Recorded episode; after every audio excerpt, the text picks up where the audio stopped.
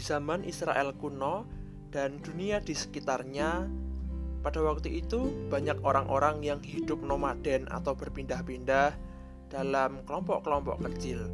Dan terkadang mereka itu adalah kelompok yang tidak mempunyai banyak harta milik. Bangsa Israel suatu kali mereka sudah menetap pada suatu daerah di tanah perjanjian yang mereka tempati.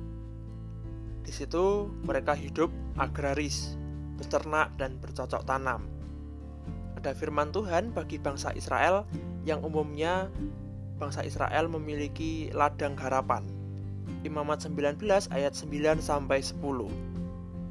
Pada waktu kamu menuai hasil tanahmu, janganlah kau sabit ladangmu habis-habis sampai ke tepinya, dan janganlah kau pungut apa yang ketinggalan dari penuaianmu.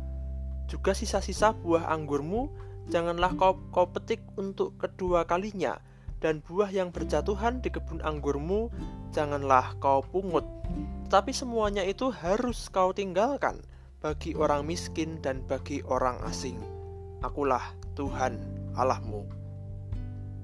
Di situ ada larangan bagi orang Israel untuk menghabiskan hasil panen yang diambil dari ladang. Tujuannya agar ketika ada orang asing atau orang miskin yang lewat di daerah orang Israel, Bila mereka lapar, mereka boleh masuk ke daerah ladang-ladang dan diharapkan mendapatkan hasil panen yang masih baik dan tertinggal di sana. Dengan hal ini, orang asing maupun orang miskin yang lewat dapat terjaga dan terpelihara kehidupannya. Tidak hanya bagi mereka yang lewat, tetapi juga bagi sesama orang Israel yang miskin dan tidak memiliki hasil agraria untuk dikonsumsi. Mereka dapat masuk ke ladang-ladang sesudah panen untuk mendapatkan sisa hasil panen yang tidak diambil. Prinsip ini menarik sebagai bentuk berbagi dengan sengaja. Hasil panen bersisa di ladang bukanlah ketidaksengajaan, melainkan kesengajaan demi agar orang orang lain yang kurang mampu bisa mendapatkan kebutuhan juga. Berbagi adalah kesengajaan. Berbagi harus dalam kesadaran. Dalam bacaan imamat tadi sedikit banyak akan mengajari orang-orang Israel untuk ikut memikirkan, memperhatikan, dan memberi kepada sesama yang tidak mampu dan kepada orang asing. Ini adalah salah satu nilai sosial yang tidak boleh hilang sama sekali. Memang sudah ada instansi pemerintah yang khusus memperhatikan orang-orang miskin di zaman sekarang.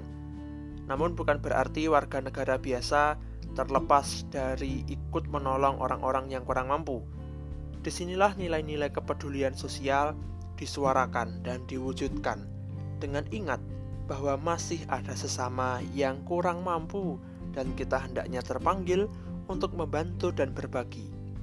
Lebih daripada itu, kita juga dapat berbuat sesuatu bagi mereka yang kurang mampu, agar mereka dapat mengembangkan hidupnya menjadi lebih baik dan lepas dari keadaan mereka yang berkekurangan.